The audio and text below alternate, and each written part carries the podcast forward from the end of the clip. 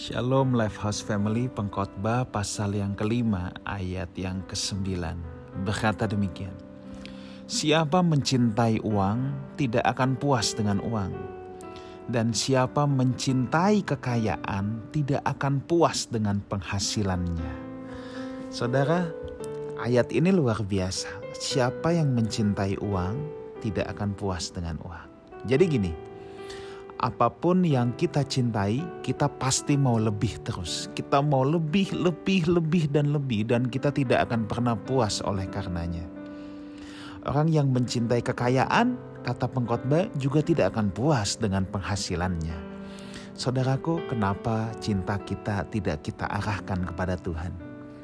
Siapa yang mencintai Tuhan tidak akan pernah puas dengan Tuhan. Dia akan haus terus dengan Tuhan dia mau terus-terus lebih dalam lagi dengan Tuhan.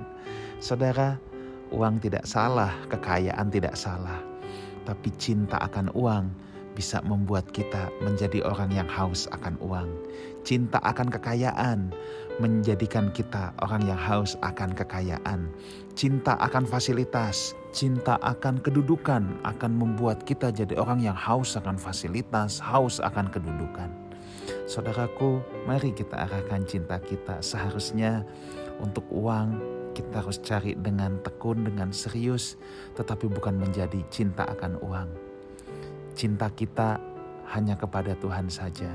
Terhadap uang, kita jadikan uang, kekayaan, semua alat untuk memuliakan Tuhan.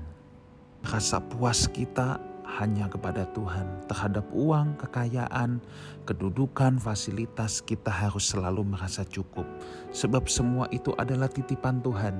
Apa pun yang Tuhan titipkan untuk kita, kita kelola dengan yang terbaik, tetapi kita harus juga punya rasa cukup.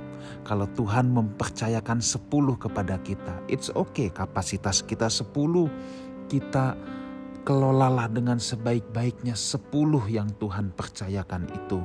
Kalau Tuhan percayakan kepada kita 80, kelolalah itu tetapi kita harus punya rasa cukup. Jangan haus akan hal itu. Ya, tetapi kalau rasa cinta kita berhasil kita arahkan kepada pekerjaan Tuhan, kepada pelayanan, kita tidak akan pernah puas. Kita akan terus berpikir dan bertanya Tuhan, apalagi yang harus aku buat? Apalagi yang aku harus perbuat untuk melebarkan kerajaanmu? Apalagi yang harus aku perbuat supaya orang boleh mendengar Injil Kristus? Saudara, memang inilah hukum yang kitab Amsal katakan. Memang benar. Kalau orang udah mencintai hobi tertentu misalnya. Misalnya senang nonton film seri tertentu. Dia tidak akan pernah puas dengan film seri itu. Mau terus-terus-terus. Sampai seperti nagih kecanduan. Yuk kita kecanduan Tuhan dong. Kita nagih akan Tuhan. Harusnya perjumpaan kita dengan Tuhan itu menjadi sesuatu yang membuat kita ketagihan saudara. Ya, Biarlah untuk Tuhan saja kita haus. We want more and more. Dan di luar itu kita bisa berkata, aku cukup, terima kasih Tuhan. Saya berdoa Lifehouse Family menjadi orang yang lapar dan haus akan Tuhan orang yang tidak pernah merasa cukup dengan pengenalannya akan Tuhan.